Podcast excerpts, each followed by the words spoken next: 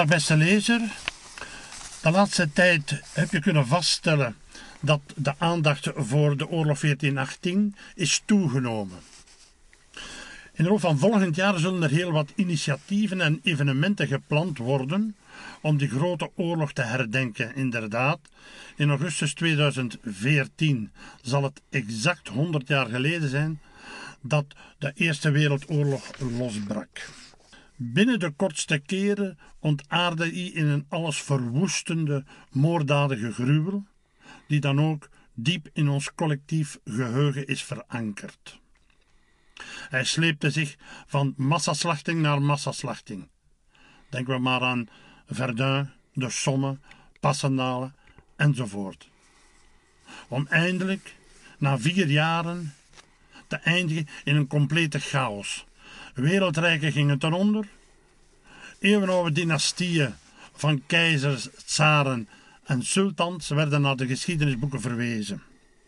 Ook ons landje ontsnapte niet aan die waanzin. Het machtige Duitse leger viel België binnen. David tegenover Goliath. Maar wonder boven wonder, dat onvoldoende voorbereid leger, geleid door de koning hemzelf als opperbevelhebber, hield stand. Hield stand op een onogelijk stukje België achter de ijzer, de uiterste westhoek. Het leger verwierf onsterfelijke roem. Vooral Albert I die ging de geschiedenis in als de koningridder. Over deze derde koning der Belgen heeft professor Jan Velaerts een monumentale en boeiende biografie geschreven. De rol die koning Albert in deze bewogen periode van de Grote Oorlog speelde, voortdurend geconfronteerd met politiek-institutionele, met financieel-economische en met taalkundig-communautaire problemen, wordt op magistrale wijze uit de doeken gedaan. Beste lezer, laat u niet afschrikken door de omvang van het boek, zo'n 58 uren. Het leest zeer vlot en het is goed ingelezen door verschillende stemmen. Kennis van het Frans kan vaak wel verhelderend werken. Niet tegenstaande zijn drukke agenda heeft professor uh, Velas zich onmiddellijk bereid verklaard om met ons over het boek een gesprek te hebben. Welkom professor, maar alvorens we over de inhoud van het boek willen hebben, had ik u toch willen vragen wat is de aanleiding geweest om aan dit monumentale werk te beginnen? Welkom ook uh, en dank dat u mij hebt uitgenodigd. En uh, goed ook aan alle uh, lezers. Wel, ik ben altijd gepassioneerd geweest in de geschiedenis, maar ik ben uiteindelijk geen historicus geworden. Ik ben niet uh, een historicus van vorming, ik ben jurist van vorming. Maar ik ben dan wel in de rechtstak terechtgekomen die wel het dichtst aansluit bij politieke geschiedenis, en dat is met name het staatsrecht, het grondwettelijk recht. Ik ben constitutionalist, uh, ik geef in Antwerpen het vak staatsrecht. Ik ben ook verbonden aan de Raad van State als assessor. En de geschiedenis is mij altijd bij, blijven boeien. En dan voornamelijk ook uh, de wijze waarop politici en ook de, de monarchie, de koning, omgaat met de spelregels van onze grondwet. Dat is altijd een invalshoek die ook in het boek over Albert I zal, zal uh, terugvinden. Dat is zo'n beetje de, de achtergrond. Ja, dat is uh, zeer boeiend al, professor. Nu, het is inderdaad een, een, een figuur uh, die in de geschiedenis zijn sporen heeft nagelaten. Maar hoe is eigenlijk zijn jeugd verlopen? Wel, Albert was bij zijn geboorte eigenlijk niet voorbestemd om te regeren. Want hij is niet de zoon van de vorige koning, Leopold II. Hij is de zoon van de broer van de vorige koning, Philips, graaf van Vlaanderen. En dus normaal gezien, Leopold II zou die uh, kinderen hebben gehad, een zoon hebben gehad, dan zou die op de troon zijn gekomen. Leopold II heeft een zoon gehad, maar is jong gestorven. De uh, troonopvolger werd dan zijn broer, maar wellicht zou die ook wel niet zo lang de tweede koning overleden, overleven. En dan zou dus de oudste zoon van graaf van Vlaanderen, Boudewijn, normaal gezien koning zijn geworden. Maar die sterft in 1891 uh, in, aan, aan, een uh, ziekte uh, die plots opduikt, waar hij plots mee te maken heeft. En dan wordt op 16-jarige leeftijd Albert ineens de vermoedelijke troonopvolger. Um, op een moment dat hij eigenlijk daar ook niet echt goed op was voorbereid. Want in die tijd, die prinsen die gingen niet naar school, die genoten huisonderwijs. En dan hing het al maar af van de kwaliteit van degene die dat onderwijs verstrekte. En dus vanaf zijn 16-jarige leeftijd, toen men dus zag hij zal wellicht koning worden, is men dat moeten beginnen bijspijkeren. En dat heeft men dan voornamelijk ook gedaan door, door hem naar de Koninklijke Militaire School te sturen. Dat is een heel belangrijke periode voor hem geweest. Hij heeft daar heel belangrijke mensen leren kennen die een rol zullen spelen later in, in het verhaal uh, van zijn leven. Ik denk dat hij ook uh, begin 1900 ook nog uh, trouwt met een, een, een, Duitse prinses, die later ook nog, nog, die, die familiebanden later ook nog in het belang hebben. Ja, dus hij, eh, je zou eigenlijk kunnen zeggen dat de Belgische monarchie heeft wel een sterke Duitse band. Dus uh, ten eerste de Coburgers kwamen natuurlijk uit Duitsland. Uh, zijn moeder was een Duitse prinses, een Hohenzollern. Um, en hij zal dan ook huwen met Elisabeth, um, hertogin in Beieren. niet van het Beierse koningshuis, maar hertogin in Beieren. En die dus ook inderdaad in de oorlogsjaren een belangrijke rol zal spelen. En die ook Albert vele jaren zal, zal overleven trouwens. In uh, 1909 volgt hij dus uh, koning Leopold II op.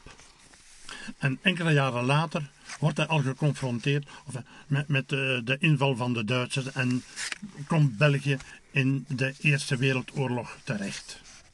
Kan je misschien toch eens de beginfase, de historiek van de beginfase van die grote oorlog schetsen, professor?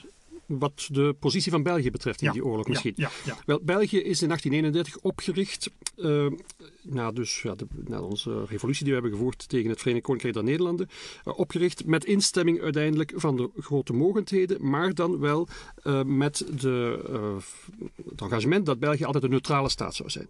Want wij liggen in het hartje van Europa, tussen Frankrijk, Duitsland, Groot-Brittannië. Hier is vaak oorlog gevoerd. En dus dat strategisch heel belangrijke stuk grondgebied moest een neutrale staat zijn. De eeuwigdurende neutraliteit is ons opgelegd. Wij waren eigenlijk, wat Zwitserland nu is, wij waren de, neutrale staat van de oorlog. Dat is heel belangrijk om de houding van de koning, Albert I, ook later van Leopold trouwens, te begrijpen. Dus op het moment dat wij dan in, uh, in de zomer van 1914 werden uitgedaagd door de Duitsers, de Duitsers vroegen, uh, wij willen uh, door het grondgebied trekken, wij willen Frankrijk aanvallen, want men had het von Schlieffen-plan, men wilde dus vanuit Duitsland eerst Frankrijk overwinnen en dan zich keren tegen Rusland om de oorlog op de twee fronten te vermijden. Men moest dus zeer vlug door Duitsland kunnen. Vrees de vraag, wat gaat België doen? Want dus de Duitsers zeiden, als u ons doorlaat, dan zullen we nadien uw onafhankelijkheid uh, garanderen. Um, er is een ministerraad geweest en het is duidelijk dat de koning heeft gezegd, dit kunnen we niet doen. Wij moeten onze neutraliteit verdedigen. Wij kunnen ons grondgebied niet laten gebruiken door de Duitsers, dus geen sprake van. En dus zo zijn we in die oorlog uh, verzeild geraakt. Met dan wel ook het engagement van de anderen, dat inderdaad, wanneer die neutrale staat zou worden aangevallen, België op hen mocht rekenen om dus de, die positie van neutraliteit te verdedigen. Maar daarmee, is meteen gezegd welke de, de oorlogsdoelstellingen zijn van België. De oorlogsdoelstelling van, van België is niet uh, met geallieerden, de Fransen en de Engelsen, de Duitsers overwinnen of wat dan ook. De oorlogsdoelstellingen van België zijn beperkt. Wij zijn een neutrale staat en wij moeten onze neutraliteit verdedigen. Wij moeten dus dat onafhankelijkheid terug, de integriteit van ons grondgebied. En dat zal ook meebepalend zijn voor de houding die de koning heel de oorlog lang zal, zal aannemen. Uh, wanneer men hem zal vragen, de Fransen en de Britten, kom, uh, versterk onze gelederen, laten we mee uh, proberen Duitsland te overwinnen. Uh, hij heeft dat altijd geweigerd om een houding aan te nemen die dus een, een, een betrokken te geraken in, in, in militaire slagen die niet er zouden toe kunnen leiden dat het Belgische grondgebied terug zou worden bevrijd. Mag je toch nog eens een tussenvraag stellen, professor? Want in heel de loop van de, van de, de oorlog uh, stond hij er eigenlijk op de leiding van het leger naar zich toe te trekken. Uh, dat was toch altijd ook een discussiepunt. Uh, dat is, een, dat is, inderdaad een heel belangrijk constitutioneel, uh, constitutionele kwestie. In onze grondwet worden heel wat bevoegdheden aan de koning toegekend.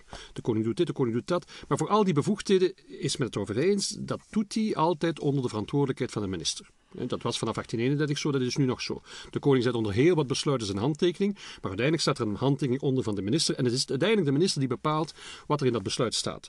Dus de, de ministeriële verantwoordelijkheid is heel belangrijk, omdat de koning zelf ook geen verantwoordelijkheden kan lopen. Hij moet gedurende heel zijn leven uh, koning zijn, mag niet ter discussie staan Dus dat is een heel cruciaal element in onze grondwet. De enige, de enige bevoegdheid van de koning waar daar uh, vanaf 1831 eigenlijk discussies over zijn, is precies het opperbevel van het leger. Men zegt de koning is, uh, voert het bevel over het leger. Doet hij dat ook onder ministeriële verantwoordelijkheid? Wat, wat, als dat zo zou zijn, ja, dan is het uiteindelijk de minister van Landsverdediging die daarnaast de koning staat en die zal dus zeggen wat er moet gebeuren en de koning tekent dan de bevelen, maar de minister van Landsverdediging tekent tegen. En de interpretatie van de Belgische koningen, dat is ook Leopold I al niet zo heel duidelijk. Er is natuurlijk maar alleen de, de Tiendaagse veldtocht in 1831, maar ook Leopold II in 1870. En Albert heel sterk in 1914 gaat dat heel duidelijk tot een doctrine ontwikkelen, is dat de koning persoonlijk het bevel voert zonder de verantwoordelijkheid van de minister. Hij neemt dus die verantwoordelijkheid op zich. Waaraan heeft hij, waaraan, van waar die eigenaardige constructie dat dat voor alle bevoegdheden geldt en voor deze niet? Wel, men heeft daar argumenten voor bedacht. Men zegt uiteindelijk, ja, je kan moeilijk met twee aan zo'n uh, bevel voeren. Je moet eenhoofdig opperbevel, dan moet één het bevel voeren. Je kan moeilijk een discussie tussen koning en zijn minister hebben. Uh, één opperbevelhebber. Daarboven heeft Albert zich ook altijd, uh, heeft altijd verwezen naar de eed die de Belgische koningen afleggen. Zij leggen de eed, getrouwheid, zij leggen de, de eed de grondwet na te leven, maar ook het grondgebied ongeschonden te bewaren. En dat is een bijkomende eed die hij alleen aflegt. En dat hebben de Belgische koningen daardoor, hebben daarin een, een persoon verantwoordelijkheid gezien. Maar dat heeft, dacht ik toch ook in de loop van de, van de voortschrijdende oorlog, toch aanleiding gegeven tot conflicten met, met zijn ministers. Dat heeft voortdurend aanleiding gegeven tot conflicten. Het is het begin van de oorlog. Uh, de Broqueville was zijn eerste minister op dat moment in de oorlog. Heeft dat eigenlijk altijd in vraag gesteld, maar wist goed: uh, dit nu tijdens de oorlog, dit debat uitvechten tijdens de oorlog, dat is niet het moment. Men heeft zo wat pragmatische regelingen bedacht, waardoor de kabinetchef van uh, de Broqueville adjunct-chef van de generale staf werd. men heeft pragmatisch dat proberen op te lossen, maar de Broqueville is nooit van het standpunt afgeweken dat de koning die verantwoordelijkheid eigenlijk niet kon dragen. De Broqueville heeft altijd gezegd, ja, als hij ook niet onder ministeriële verantwoordelijkheid handelt, dat wil zeggen als het misloopt, als het verkeerd afloopt, ja, dan zal men hem de rekening presenteren, dan zal men het hem kwalijk nemen. Terwijl een koning moet onbesproken kunnen blijven, moet de continuïteit waarborgen. Dus er is een ministeriële verantwoordelijkheid en die is ook precies om de schokken op te vangen. Ik denk dat de koning heeft wel goed ingezien, want hij was geen militair, had wel militaire school gedaan, maar het was ook niet het type van een militaire leider. Hij werd natuurlijk omringd door zijn generaals en door zijn persoonlijke militaire raadgevers. Maar dat de koning dat heeft willen toch tot zich trekken, had denk ik veel te maken met het feit dat hij niet zo'n vertrouwen had in een bepaalde doctrine die bij bepaalde generaals leefde met betrekking tot hoe je oorlog moet voeren. Hij had dat meegemaakt in de militaire school, hoe daar de doctrine werd uh, uh, verkondigd dat een, een, overwinning in de oorlog hangt eigenlijk af van de wil om te winnen.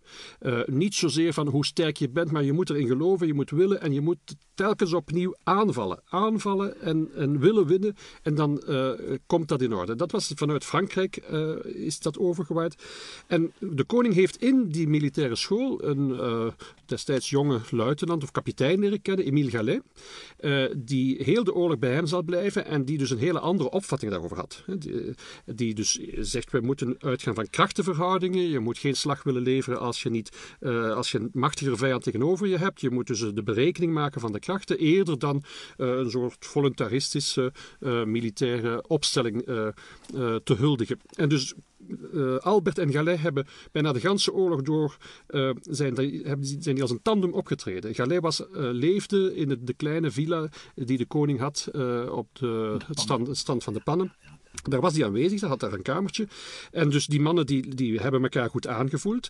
Um, en dus denk dat dit mee een van de redenen is geweest. Wanneer de koning zelf het opperbevel voerde, dan was er geen sprake van dat hij uh, uh, bloed zou laten vergieten zonder dat dat een, een reële kans op slagen had. En dus vandaar ook dat de Belgische militaire inspanningen zijn nooit van die aard geweest dat wij dus hebben deelgenomen aan die zinloze offensieven van, van die de Fransen en de Britse legers uh, hebben gevoerd en waar dus honderdduizenden doden zijn, zijn, zijn gevallen. Ja, denk we maar aan Verdun, de Somme, hmm. Passendalen. zijn verschrikkelijke bloedbaden geweest. Ja, ja juist.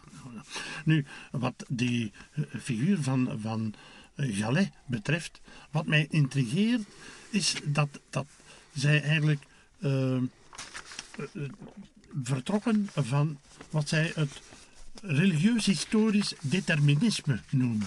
Kan je daar iets wat meer over vertellen? Want eigenlijk ook uh, nam hij in dat verhaal ook de koning mee, dacht ik. Ja, dat is een heel merkwaardig aspect uh, in, in het verhaal over Albert en Calais. Dus zij zijn aan de militaire school, zijn daarbij de leerling. En ze hebben les gekregen van een Charles Lagrange. Dat was een, een uh, internationaal gerenommeerde wetenschapper. Hij was een astronoom, mathematicus, maar ook niet alleen dus in de positieve wetenschap en de wiskunde uh, sterk, uh, maar daarboven was hij auteur van wat wij nu zouden noemen pseudo-wetenschappelijke publicaties met een inderdaad religieus deterministische inslag. En hij bouwde voort op uh, de zogenaamde wetten van Brugge. En Brugge, dat was een, een 19e-eeuwse officier van Luxemburgse origine. En die had een theorie ontwikkeld dat de geschiedenis van de mensheid kan verklaard worden aan de hand van uh, het. Aardmagnetisme en ook aan de hand van een letterlijke bijbelinterpretatie. Je kan uh, evoluties zien en dus die elementen brengt hij samen en dan uh, analyseert hij de geschiedenis uh, in periodes van 516 jaar, waar dan telkens één volk aan de macht is, het overwicht heeft en dat was tot in de 19e eeuw, tot 1848 de Fransen en dan kwamen de Engelsen. En in die opvolging van die twee had België een rol te spelen. En dus dat is een, een eigenaardig samenstel van allerlei inzichten die samenkomen. We zouden er nu op dit moment niet veel geloof meer aan hechten. Maar er was dus ook die idee van, uh, je kan eigenlijk ook wel de, de, de, het, de lot, uh, het lot van de, van, van, de, van, van, van de mensheid uh, in de Bijbel vinden. dus er is een plan van God met, met, met de mensheid. En je kan dat door het lezen van de Bijbelteksten, kan je dat opnieuw proberen te achterhalen. En dan zie je, heel merkwaardig, want dus Galais heeft heel wat geschriften nagelaten, dagboeken opgesteld, waar hij gesprekken met de koning weergeeft, dat zij dus zitten te spreken, te confereren met elkaar over Jezaja, vers zoveel, zoveel. Wat moet ik morgen doen? Moet ik dit gaan doen? Wel, wat zegt Jezaja? Uh, en dus heel merkwaardig. Je ziet, Galais is zeker een duidelijke adept van die theorie. Albert, in welke mate? Albert, denk ik, is een meer nuchtere man. Um, hij heeft er zeker, geloofd is misschien een groot woord, maar hij heeft er uh, kennis van gehad. Hij heeft er met allerlei gesprekken over gevoerd. Hij heeft ook uh, dat aan zijn kinderen doorgegeven. Want Marie-José heeft een boek geschreven over, een mooi boek over haar ouders, waarin zij dus zei, ja, het werd ons daarbij gebracht. Maar tegelijkertijd kregen ze ook hele andere dingen te horen. Dus je hebt niet de indruk dat, dat uh, Albert in dezelfde mate als Galais op die lijn zat. en je ziet ook dat ze aan het einde van de oorlog, we zullen het er misschien later nog over hebben, dat aan het het einde van de oorlog uh, de twee elkaar niet meer zullen vinden. En dat is een breuk en, dat is heel uh, wrang uh, voor Galais om vast te stellen dat hij niet meer het oor heeft van, van Albert. En dat Albert op een bepaald ogenblik toch beslist van volop, voluit door te gaan met de Fransen en de Britten op een ogenblik, in 1918, dat hij dacht dat het misschien wel het moment was om het grondgebied te bevrijden en de Duitsers terug te drijven. Ja, dat is inderdaad een periode, want tot vlak voor juli of is uh, koning Albert nog naar Engeland getogen om een compromisvrede, of om, om, onderhandelingen terug met de Duitsers op te starten. Ja. En enkele weken later stapt hij mee eigenlijk in dat eindoffensief. Ja, ja. je ziet, dat is denk ik inderdaad een, een, een rode draad in heel het verhaal van Albert. Uh, hij is de koning van een neutrale staat. En een neutrale staat is dus een staat die een, een, een evenwicht in Europa mee moet bewaren. En dus uh, de, de ideale uitkomst van de voor van de oorlog voor Albert was dat dat evenwicht terug hersteld zou worden. Dat er dus geen winnaars en geen overwonnenen zouden zijn. Dat dat rijke Europa met zijn cultuur, zowel aan Duitsers als Franse zijde, dat die elkaar niet zouden, zouden afmaken. En zeker Albert ook met uh, zijn Duitse familiale context, uh, met heel veel kennissen in Duitsland, wel, zou het, was het een veel duidelijker, een, een, wenselijker uitkomst dat het een, een compromisvrede zou worden. Hij heeft natuurlijk zijn, zijn ministers, dus hij in de pannen, maar zijn minister staat ondertussen in Le Havre, veel meer onder de invloed van de Engelsen en van de Fransen. Uh, veel meer op de lijn van we moeten de Duitsers overwinnen, uh, jusqu'au bout moeten we gaan, we mogen, uh, ze hebben ons die oorlog aangedaan ten onrechte, we moeten ze terugslaan, we moeten dat hier winnen. Wel, dat was een heel andere lijn. En dus daar zijn dan ook veel spanningen geweest tussen de koning en, en, en zijn ministers tijdens de oorlog daarover, precies. Een ander aspect uh, dat ik toch even wil te, ter sprake brengen, professor, de frontbeweging. Men stelt vast dat wanneer dat de Belgische troepen zich terugtrekken tot achter de IJzer, vooral de gewone soldaten uh, bestaat uit Vlaamse jongens. Tot 80% waren Vlaamse soldaten en van het officierenkorps is juist het tegenovergestelde. Maar hoe komt het eigenlijk dat er op dat moment zoveel gewoon soldaten Vlamingen waren? Wel, men heeft inderdaad gesproken van een verhouding 80%, 20% bij dus de gewone soldaten. of dat nu de precieze verhouding was. In ieder geval, dat was wat de mensen zelf toen dachten. Lange tijd hebben zowel Nederlandstalig als Franstalig dat gezegd. Ik denk dat men op dit moment op wat andere cijfers uitkomt. Maar dat er een groot overwicht was van Vlamingen, is duidelijk. En dat zal verschillende oorzaken gehad. Maar een belangrijke oorzaak was ook de mobilisatie. Dus het Duitse leger, dus wij werden overvallen. Op 4 augustus eh, valt men ineens binnen. Eh, die mobilisatieplannen die zaten er allemaal niet zo heel duidelijk en goed uit. Waar die troepen waar men naartoe moest gaan, uh, uh, in het midden van het land enzovoort. Dat was allemaal nogal wat chaotisch. En in ieder geval, um, de mobilisatie verliep zo dat de mm, soldaten die uit Vlaanderen kwamen, dat die meer gemakkelijker in staat zijn geweest om uh, de mobilisatieplaats te vervoegen dan Wallonië, waar, de, waar het Duitse leger al vrij vlug ook een gedeelte van het grondgebied heeft bezet. Dus dat is mee de verklaring voor het, het overwicht van Vlamingen aan, aan het IJzerfront. Ja, maar dan de, het officierenkorps, uh, dat dus hoofdzakelijk uit Franstaligen uh, uh, bestond. Eigenlijk was dat ook een, een, een historisch gegeven. Maar was men al niet bezig met, met te, te trachten die, die verhoudingen of, of de, die taaltoestanden wat, wat, wat aan te pakken? Ja, maar daar was men inderdaad al een hele tijd mee bezig. Het is een, een oud zeer. En in 1913 is er een wet zelf gestemd. Dat is een jaar voor de oorlog.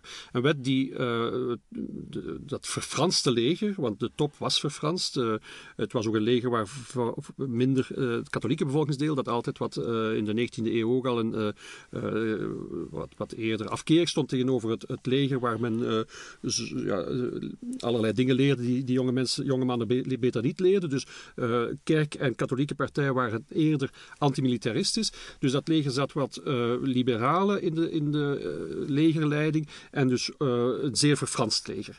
En dus in 1913 is er een al wet gestemd waar dus de tweetaligheid van dat leger als optie werd naar voren geschoven. En dus moesten die militaire officieren enzovoorts stonden ervoor voor de opgave om dus ook het bevel te kunnen te voeren in, in de twee landstellen. Maar dan valt die oorlog in 1914 en dan is die wet nog niet uitgevoerd. Er zijn nog heel wat uitvoeringsbesluiten die er niet zijn.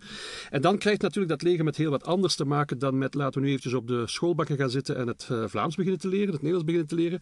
Uh, dan ontstaat uh, dus ja, het, fenomeen dat je dus een leger hebt waar de miliciërs Vlamingen zijn in grote mate en een verfranste legerleiding die misschien wel de best, het best deed. Maar goed, in die tijden van spanning, waar er toch ook wel dagelijks uh, zijn, doden vallen, is op dat moment vragen om resultaten te hebben op dat vlak van de taalkennis door die Franse legerleiding, dat was niet evident. En dat heeft dan precies heel wat spanningen gegeven, waar dan de, de frontbeweging ehm, de rechtstreekse uiting van is. Ja, de frontbeweging, maar die eigenlijk toch op het onbegrip van de legertop kon rekenen. En, en dat de legertop is toch behoorlijk repressief daartegen ingegaan. Ja, ik denk dat, wat je ziet, op eh, vele momenten we hebben we heel wat verslagen van de ministerraden die aanwezig van de koning werden gevoerd. En die hadden trouwens plaats in Houtem, uh, in, de Westhoek, dus in de pastorij van Houtem was het hoofdkwartier van het Belgisch leger. En daar werd dus gedebatteerd hoe men dat zou aanpakken. De koning zat eigenlijk op een lijn van we moeten uh, begrip hebben voor de vragen van de Vlamingen en we zouden wel wat moeten verklaringen afleggen dat het beter zal zijn na de oorlog, dat we zullen dingen kunnen proberen te bereiken, uh, dat we gelijkheid in rechten en in feiten zouden proberen na te streven. Maar op dit moment kunnen we niet meer doen dan verklaringen afleggen. Maar in de regering, het was een regering die een regering van nationale eenheid was, waar dus de drie verschillende partijen in zitting hadden. En voornamelijk de Franstalige liberalen, die wilden op dat moment daar niet van weten. Ten eerste was er een duidelijke constitutionele regel men had geen parlement. Je kon dus op dat moment geen fundamentele hervormingen van de wetgeving doorvoeren. Je kon wetgeving maken die absoluut noodzakelijk was voor de oorlog, maar je kon geen grote keuzes maken. En dus dat was ook een afspraak van die partijen. Laten we de oorlog ingaan met een godsvrede. Laten we de politieke strijd bewaken, bewaar, uh, eventjes achterzijde, uh, terzijde laten en zorgen dat die, dat die oorlog gewonnen wordt. Dus men, was, men geraakte het in de regering niet eens over welk type van verklaring men dan zou wel zou moeten afleggen om die Vlamingen een beetje toch uh, een perspectief te geven dat het beter zou worden. En dus voor het overige ja, zat men met natuurlijk de, die, die uh, toch wel uh, verschrikkelijke oorlogsomstandigheden, waar bijvoorbeeld in Frankrijk in 1917 ook oproer was en dus uh, die militairen in opstand komen zonder dat er een taalkwestie is. Dus men moet altijd wel zorgen dat er orde wordt gehandhaafd. En men probeert dan een tweesporenbeleid te vormen, volgen. Enerzijds gaat men toch wel in de mate van het mogelijke, en daar komen dan ook verbeteringen, toch in de mate van het mogelijke iets doen met betrekking tot die taalwetgeving. Hè. inspanningen doen, dat dat er wat, wat toegeeft, toegevingen zijn en dus men probeert die taalwetgeving een beetje uit te voeren. Maar anderzijds is men zeer hard ten aanzien van al diegenen die de taalstrijd aanwenden om, wat men dan noemt, ja, om onrust te stoken in het leger. Men zegt dat is nu niet het moment. En dus krijg je een repressief beleid. Er is wel recent een, uh, boek verschenen uh, dat dat repressief beleid ten aanzien van Vlaanderen aan het front niet zozeer strafrechtelijk was. Het, men heeft ze niet voor de krijgsschade gebracht, maar ik denk dat er wel heel zware straf, straffen, uh, met het regende straffen, schrijft Ernest Klaas bijvoorbeeld in een van zijn, zijn brieven, dat men eerder tuchtsancties, militaire tuchtsancties, die natuurlijk ook hard konden zijn. het is die oorlogscontext die gemaakt heeft, en daar is natuurlijk wel een stuk van het contentieux van België ontstaan. dus de Vlamingen die wel goed waren om te sneuvelen en om dat, leger te dienen, maar die niet in de eigen taal werden bediend. daar is, zijn heel wat frustraties ontstaan. Daarop anticiperend denk ik ook dat Frans van Kouwelaar en zijn medestanders eigenlijk het minimumprogramma hebben uitgewerkt. Al tijdens of was dat al voor de oorlog? Nee, ik denk vooral tijdens, tijdens de, oorlog. Tijdens de oorlog, tijdens de oorlog dat minimumprogramma. Uh, kan je eens even uh, uh, kort schetsen, dat minimumprogramma, wat, wat, wat men daar eigenlijk mee voor ogen had. Ja, in die zin was dat een minimumprogramma dat men dus niet dacht aan een hervorming van de staat, maar wel aan taalwetgeving die, er, die verzekerde dat men in het Nederlands taalgebied uh, in het, zou kunnen worden bestuurd, uh, berecht door de rechtbanken, onderwijs zou kunnen lopen in de eigen taal dat dat dus op basis van de Belgische wetgeving zou uh, tot stand worden gebracht. En dus na de oorlog uh, heeft de koning in zijn troonrede, waar hij het algemeen enkel voor de stemrecht beloofde, heeft ook verklaard dat hij gelijk, dat men zou zorgen voor gelijkheid in rechten en in feiten van de twee talen. Uh, en dat er zou komen, de grondvesten zouden worden gelegd van een, een Vlaamse universiteit in Gent. Dus dat is daarin verklaard, maar de uitvoering van dat programma, wat de koning daar een beetje voluntaristisch, want men, nou, de toespraak was nog niet gehouden, of er was, al in de regering uh, oneensgezind. Zodat je zag dat zelfs alle ministers daar het niet mee eens waren, met name de Brusseler Heijmans, liberaal Heijmans, die zei een, een, Vlaamse universiteit in Gent, ja, het kan ook wel ergens anders. Uh, in ieder geval, die Franstalige universiteit hoeft daar niet te verdwijnen. Uh, Vlaanderen mag historisch tweetalig zijn. Dus we hebben uiteindelijk dan na de oorlog, heeft het nog geduurd tot in de jaren dertig, dat er een keuze is gemaakt voor taalwetgeving in Vlaanderen die op wat we noemen het territorialiteitsbeginsel is gebaseerd. Dat we dus zeggen, we maken een gebied af en zeggen in dit gebied eh, zal het bestuur, het gerecht, het onderwijs, het officieel onderwijs, althans gesubsidieerd onderwijs, zal in het Nederlands gebeuren. Uh, en dus men, uh, de houding van Albert in die jaren, die beginjaren, hij wordt daar nogal vaak op aangevallen. Men zegt, kijk, hij heeft wel het algemeen enkelvoudig stemrecht beloofd. We zal het er wellicht zo, zo, zo dadelijk nog over hebben. En dat is meteen gerealiseerd terwijl die vernederlandsing, en dus het recht van een, Vlaamse universiteit in Gent, uh, het territorialiteitsbeginsel als beginsel van de taalwetgeving in een talig, Nederlands taalgebied, dat heeft toch nog uh, 20 jaar, uh, of nee, zelfs geen 20 jaar, 12, 13 jaar geduurd. Ja, uh, ik denk, als je dat analyseert, de politiek op dat vlak, waar was men, was het, kwam er niet uit. En dat is veel geleidelijker gegaan, net zoals op zoveel vlakken men stap voor stap soms vooruit gaat. het aan de koning wijten, denk ik dat wat gemakkelijk is. Alhoewel Albert inderdaad wel een, als hij zelf uh, het zou voor het zeggen hebben gehad, eerder zou hebben gedacht aan een, uh, een Vlaanderen waar de twee talen een plaats hielden. Waar het Frans niet hoefde te verdwijnen als, als taal van, van, van, van de Universiteit in Gent, bijvoorbeeld. Waar naast de Franstalige Universiteit een Vlaamse universiteit zou komen. Maar hij heeft de vernederlandsing wel aanvaard, want hij heeft die wetten in 13 uiteraard getekend. Uh, dat is evident. Nu, dus achter het front uh, had je de frontbeweging. In het bezette land had men het activisme. Maar daar gaan we dus, daar, daar uh, Uh, dat voor, de discussie wat... Uh... dat heeft natuurlijk voor heel wat onrust, wat, wat voor onrust gevolgd, uh, gezorgd aan het front. Want die activisten wilden natuurlijk de, hun zaak op het internationale forum brengen, riepen de onafhankelijkheid uit. Eerst de, de, de, Vlaamse Universiteit in Gent, die ze dan met de Duitsers de Von Bissing Universiteit oprichten, riepen dezelfde standigheid van Vlaanderen uit. En dat heeft aan het front tot heel wat discussies geleid met Albert, die verschillende ministerraden naar elkaar heeft gezegd, wij moeten iets doen. Niet alleen dat veroordelen en zeggen dat is een minderheidsgroep, uh, die is niet gesteund door heel de bevolking, wat ook was, want er waren heel wat Vlamingen die reageerden, die zeggen dit is niet de weg, maar die tegelijkertijd opnieuw aandrong om verklaringen af te leggen, uh, waardoor uh, men zei, ja goed, die Belgische staat is na de oorlog bereid iets te doen als dat afgelopen is. Maar dus daar is nooit een overeenstemming over geweest en is men heeft nooit een overeenstemming op dat vlak bereikt. Maar beste lezer, in het boek vindt u dat zeer duidelijk uit de doeken gedaan. Dan de oorlog eindigt in een zekere sfeer van chaos. En eigenlijk inderdaad zeer snel wordt het algemeen enkelvoudig stemrecht in België uh, doorgevoerd. Men spreekt zelfs van de koe van Loppen of de staatsgreep van Loppen.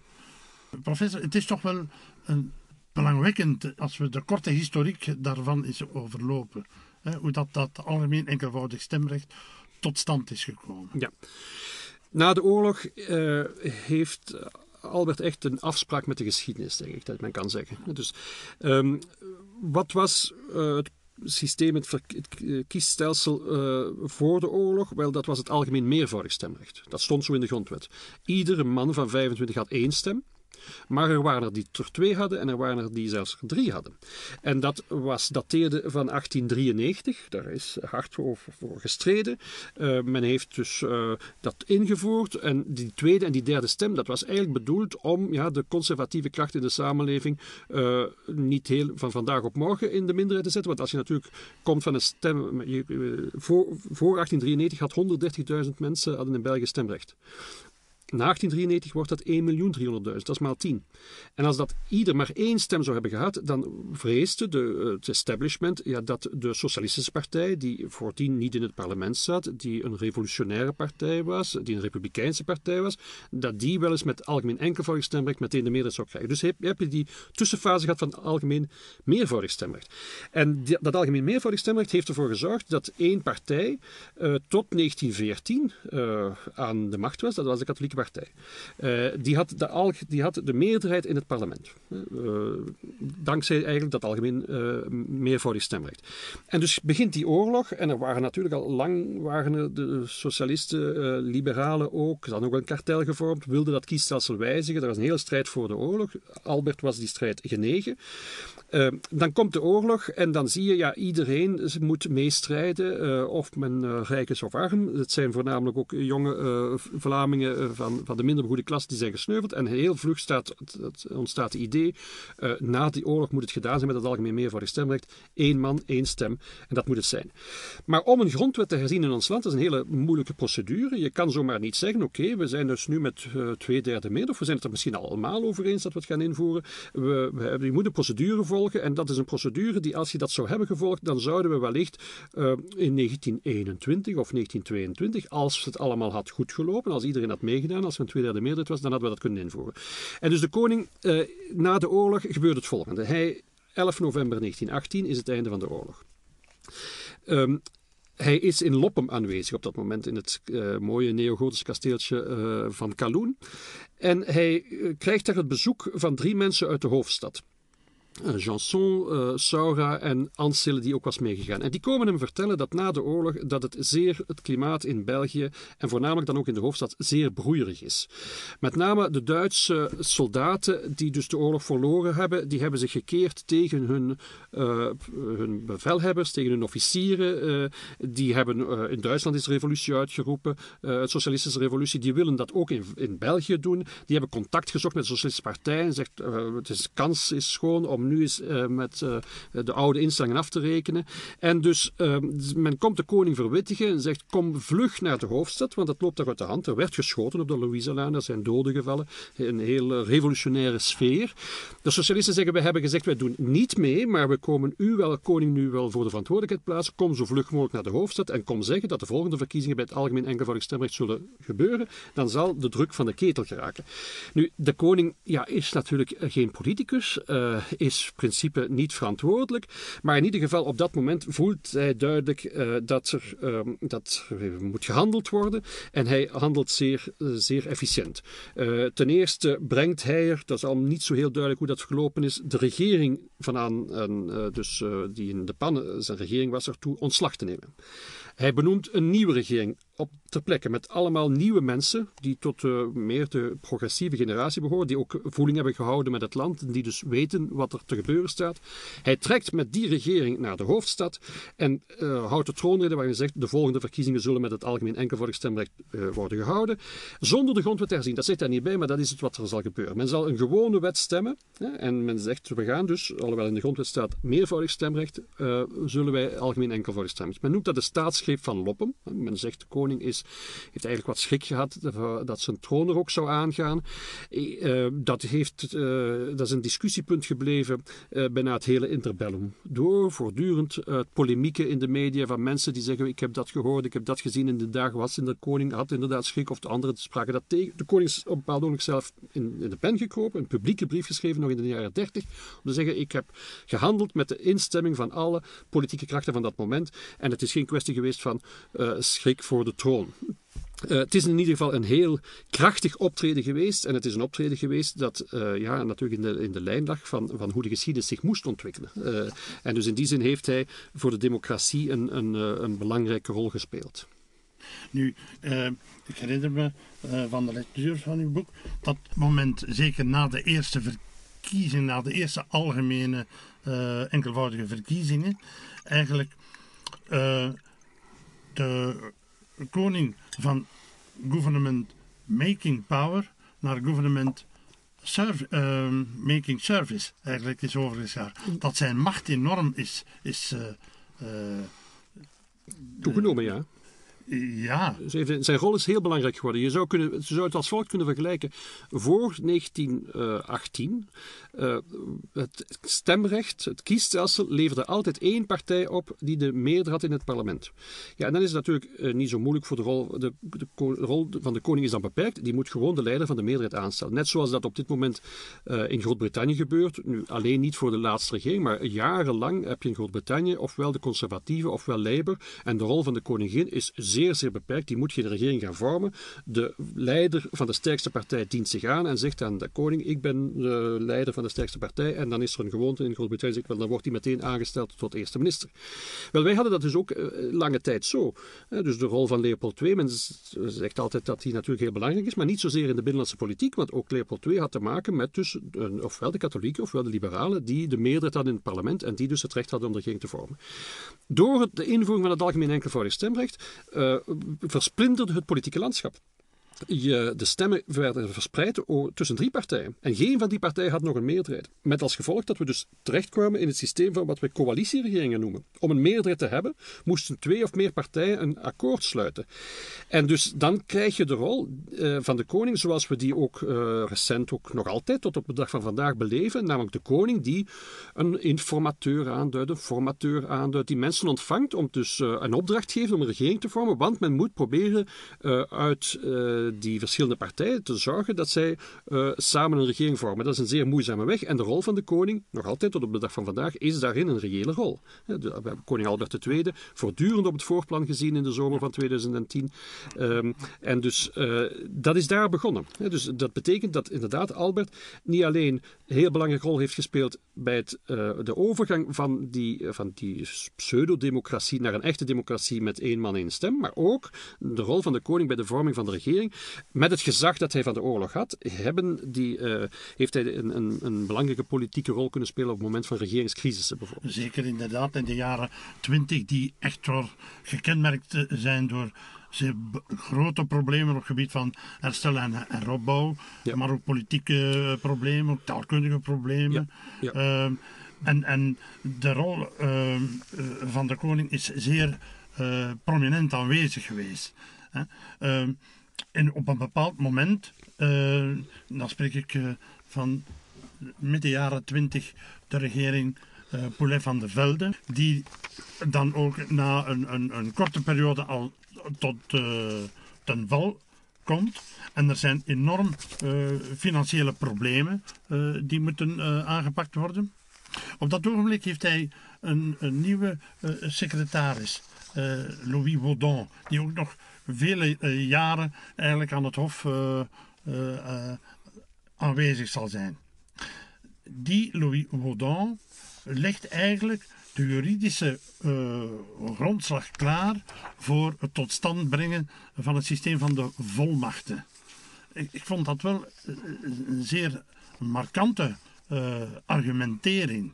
Uh, zou u daar misschien eens iets, wat, want tot op de dag van vandaag nog terug. Ja, het volmachtensysteem, dan moet je een beetje naar dus de basisregels van, ons, van onze grondwet. In beginsel de belangrijkste bevoegdheden liggen bij het parlement. Het parlement stemt de wetten en de regering voert die uit. Men heeft dus een wetgevend initiatief nodig om um, dus beleid te kunnen voeren. De wetgever legt het kader vast. Maar in de jaren waar we het nu over hebben, dat is 1926, uh, was de financiële crisis van die, ma eh, die, van die aard dermate dramatisch. Het verlies van de waarde van de Belgische frank, het was ongezien. Wat we vandaag beleven was er peanuts tegen.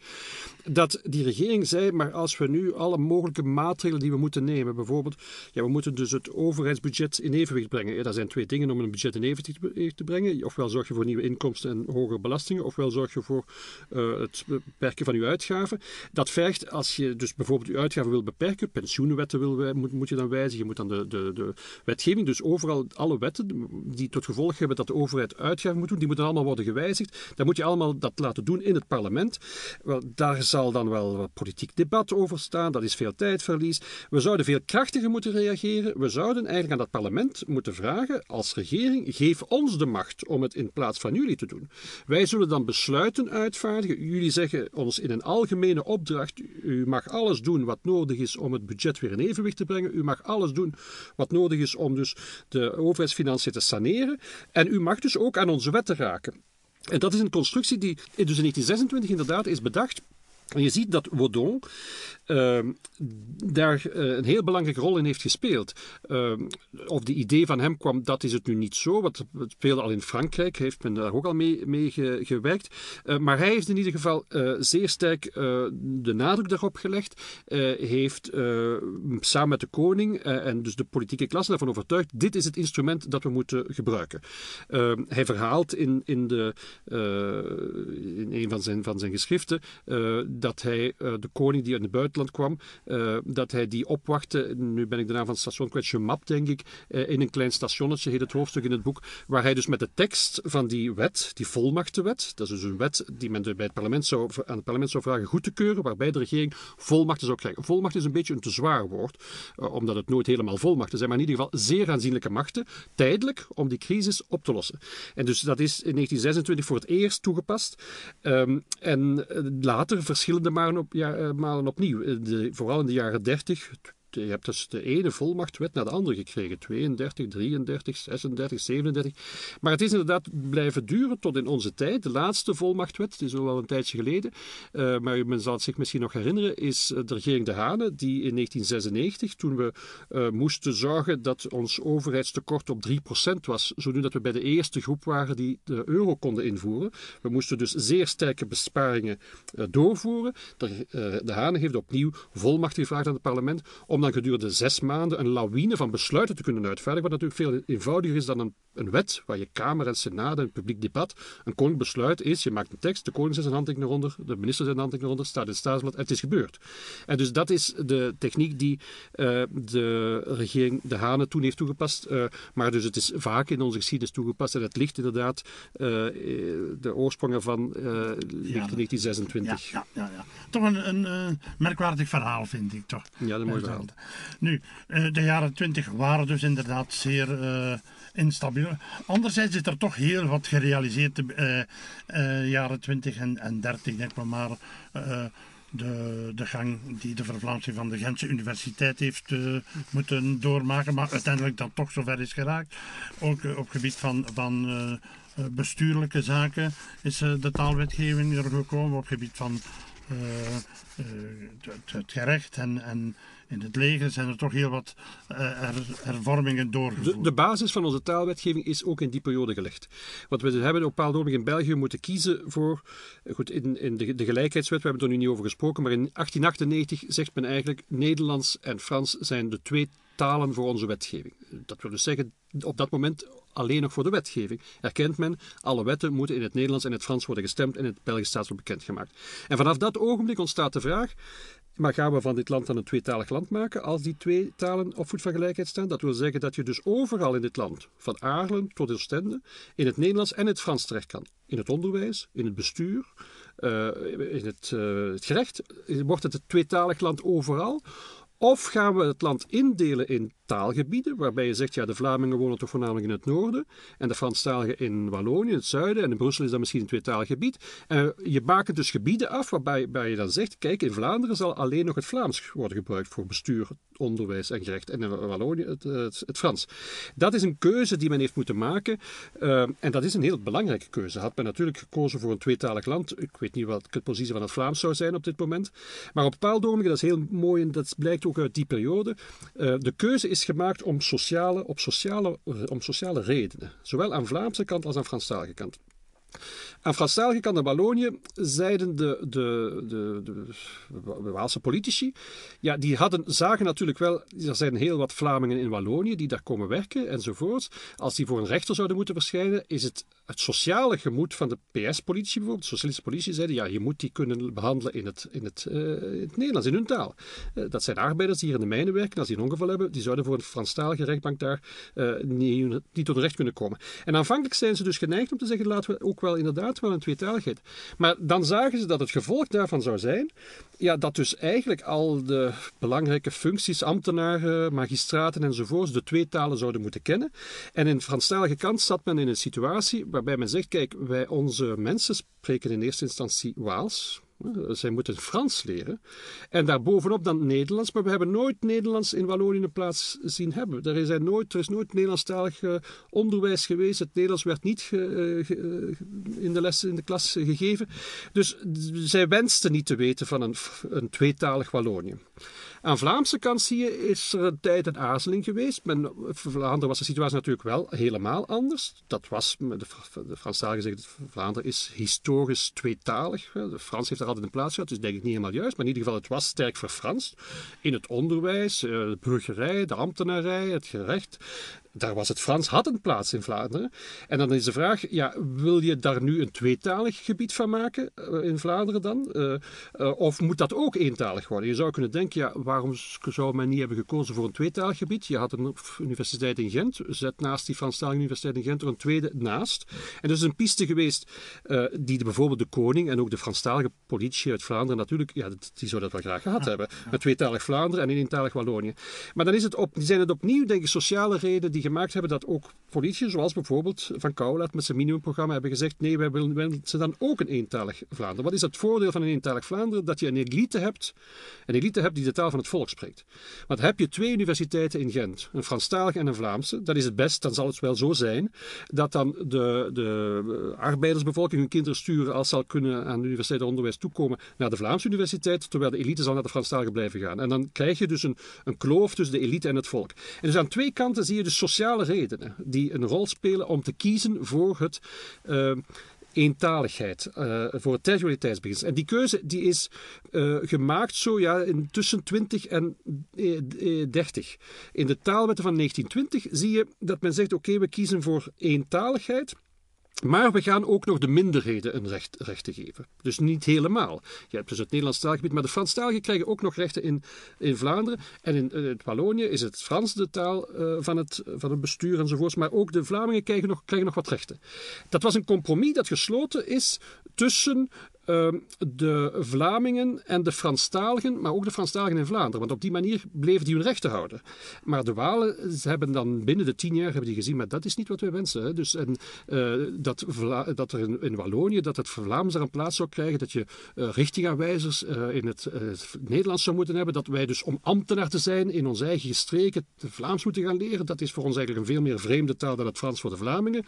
En dus binnen de tien jaar was er een ander compromis dat niet gesloten is tussen de Vlamingen en de Franstaligen en Brusselaars, maar tussen de Vlamingen en de Walen, ten koste van de Franstaligen in Vlaanderen, die dus uh, na, in dat tweede compromis uh, een volledige territorialiteit, met nog heel wat uitzonderingen in de jaren 30, maar dus het territorialiteitsbeginsel zonder eigenlijk uitgebouwde rechten voor de minderheid, voor de anderstalige minderheid. Dus een, een territorialiteit waar we op dit moment mee zitten.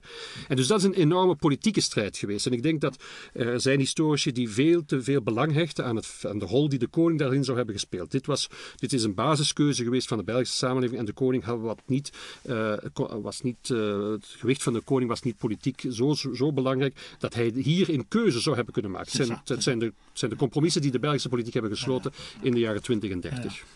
Zijn, zijn gewicht was in deze niet van doorslaggevend. Uh... Nee, maar dat wordt dus betwist. Hè. Dus de, degene die dus de koning versterkt met de vinger wijst is uh, Lode Wils, de ja, historicus van Leuven. En dus die maakt ook een boek met het barst in België, de verantwoordelijkheid van de koning, dat, dat België zou zijn gebarsten. Hij had het maar beter moeten doen. Hij had meteen moeten begrijpen dat... Maar zo zat het volgens mij niet. alhoewel ik het met hem eens ben dat hij, dat, wat, wat inzichten, dat hij eerder op de lijn zat van moeten we van Vlaanderen nu een eentalig gebied maken en de Franstalige cultuur daar uh, bannen, dat is, is niemands belang. Dat is de visie die, die een aantal mensen hebben gehad. Ja, maar ik herinner me een, een kleine uh, actie van Flor Grammers, toch ook nog in de jaren 30, in, ik geloof in 30, dat hij in 25 gemeentes van Henegouwen en Luik uh, een petitie organiseerde, waar dat in die 25 gemeenten 20% Nederlands Ja, ja, natuurlijk. Ik denk dat ongeveer dezelfde aantallen uh, Franstaligen in Vlaanderen en Nederlandstaligen in Wallonië. Alleen het verschil was dat in Vlaanderen ja. was het de elite en in, Vla in, in Wallonië ja. waren het de, de, de gastarbeiders hè, de, van, van, vanuit Vlaanderen. Ja, ja, ja. Zeer boeiend in ieder geval, professor. Nu, er is al veel op geantwoord, maar ik wil het toch nog even uh, hebben over het wetsvoorstel dat Herman Vos in 32 in overwegingneming uh, had, had ingediend. Zo, zo werd dat uh, toen geformuleerd. Een uh, wet in verband met de, de federalisering van de Belgische staat. Dat wetsvoorstel is toen niet in overweging genomen en de discussie ging daar toen zeer erkentelijk de dag van vandaag terug. Gaat het over federalisme? Gaat het over confederalisme? En, en dat is dan niet doorgegaan. Maar uh, nu zijn we 80 jaar later en het uh, thema ligt terug. Ja. In het centrum van de politieke. Wat Herman Vos heel goed zag, is dat als je land opdeelt in taalgebieden, een Nederlands taalgebied en een Frans taalgebied, dat je dan eigenlijk ook wel het bedje spreidt voor wat, men, wat wij nu zeggen, twee democratieën. Want toen waren er natuurlijk nog nationale politieke partijen. Maar je had toch, je had dus een Nederlandstalig gebied met een Nederlandstalige ambtenarij enzovoorts. En een Franstalig gebied, een Franstalige ambtenarij. En Vos zei, wel, dat is het paard van Troje dat in de Belgische burcht wordt binnengeleid. Uh, dat heeft hij publiek gezegd, dus in, over die taalwetten van de jaren 30, waardoor Albert uh, een beetje geschrokken is ook en zegt, ja, maar als we inderdaad onze administratie helemaal gaan opdelen met Nederlandstalige ambtenaren aan de ene kant, Franstalige ambtenaren aan de andere kant, en als zelfs de top, de secretaris-generaal, niet meer tweetalig moeten zijn, dan krijg je natuurlijk een gesplitst land voordat je aan federalisme toe bent, maar dan ben je in je eigen unitaire staat al alles aan het opdelen. En dus... Uh, Vos ging dan als fronter uh, een stap verder en zei: Ja, goed, wij, wij wensen eigenlijk inderdaad die staat helemaal niet alleen in de taalwetgeving, met een Nederlands taalgebied en een Frans taalgebied, en dus een wetgeving te maken voor op vlak van taal. Wij willen de structuur van het land. Het, heeft ook, het hoeft ook niet meer zo te zijn dat wij alles samen moeten beslissen. Uh, laten we ook zorgen dat men dus in grote mate een autonomie heeft. En dan krijg je dus een statuut dat hij uitwerkt, een bondstatuut, waar de naam België ook niet meer echt in voorkomt. En waar je natuurlijk ook nog wel uh, instellingen voorziet waar zowel Nederlandstaligen als Franstaligen in aanwezig zijn. Er zijn een aantal bevoegdheden die, die we samen blijven doen, landsverdediging, aspecten van buitenlands beleid, maar heel veel bevoegdheden gaan ook al over uh, naar de deelgebieden. Je, je hebt eerst de staat. Hè? En de staat is, geeft aanleiding tot de grondwet. Je kunt de grondwet uh, niet ja. totaal eh, wijzigen, want dan wijzig je de staat. Ja. En voor een staat te wijzigen heb je een revolutie nodig. Ja, ja dat, inderdaad. Ja. Ehm, dus in, wat men inderdaad aangaf was, het is logisch onmogelijk dat je op basis van de grondwet van een bepaalde staat die staat zou kunnen opzeggen. Hè, Dat je dus zou zeggen, wij gaan dus nu met de middelen die deze grondwet ons geeft, die grondwet zelf onderuit halen en eh, eh, doen eh, de, staat zorgen dat die er niet meer bestaat. Maar dat is natuurlijk wel een discussie, want de vraag is met deze grondwet van, van Vos of ehm, de Belgische staat nog zo, er zou een confederatie zijn, zijn, zijn, hebben bestaan. Men zegt dat nu ook, onze discussie over confederalisme, wat zegt men? Ja, confederalisme, dat is een, een pact tussen twee staten. Dus eerst moet je de Belgische staat ontbinden. En dan zullen de twee staten die over zijn met elkaar een overeenkomst sluiten over wat ze nog willen samen doen. Dat is het concept zo wat men als confederalisme ziet. En dan zijn er, het debat wordt op dit moment daar niet zo over gevoerd, maar de Franstalige constitutionalisten hebben die stelling nog altijd. Die zeggen, je kan eh, de Belgische staat op grond, een aantal althans, zeggen je kan de Belgische staat eh, niet op grond van haar eigen grondwet uitschakelen. Eh, dus dan moet je eruit stappen en opnieuw beginnen. Dat is een stelling die een aantal Franstaligen nog altijd voorhouden. Ik denk dat dat een beetje te formalistisch gedacht is. En er zijn trouwens constructies waarbij men zegt, je kan eigenlijk een federale staat zoals wij ze nu hebben naadloos zien overgaan in een confederale staat. Eh, eh, maar goed, dat zou ons wat ver leiden. Ja, ja, ja. Want eh, ik vermoed, professor, dat eh, dat thema ook nog verder in het volgende boek dat u samen met Bea Cantillon, met David Sinardi en met Patricia Populier, eh, ja? Pop- Eh, ja. Be- eh, België Covadis, dat in voorbereiding is en dat kortelings beschikbaar zal worden. Ik veronderstel dat daar op dat thema wel een beetje... Daar zit in dat boek wel een aantal aanzetten daartoe, maar ik heb net het thema federalisme, confederalisme en de weg daar naartoe behandeld eh, in de Koninklijke Academie, net vorige weekend. En dus dat zal in het najaar verschijnen in een, in een, een boekje waar dus eh, het onderscheid tussen federalisme en confederalisme en de verschillende pistes en denkpistes die op dit moment bestaan in België en wat, wat de verschillende partijen bedoelen wanneer ze zeggen confederalisme. Eh, dus misschien is dat een idee voor, voor jullie in de volgende fase. Dat zal een dun boekje zijn, een boekje van een, van een twintigtal pagina's. Ah, dat zal zeker eh, binnen de kortste keren wanneer het verschenen is. Of als we misschien eh voorafgaandelijk al de tekst kunnen bekomen, professor, kan het misschien samen met de publicatie verschijnen. In ieder geval, professor, ik denk dat we hier een zeer boeiend gesprek hebben gehad over dat zeer boeiende en interessante boek van. Hartelijk dank in ieder geval. Ook heel hartelijk dank.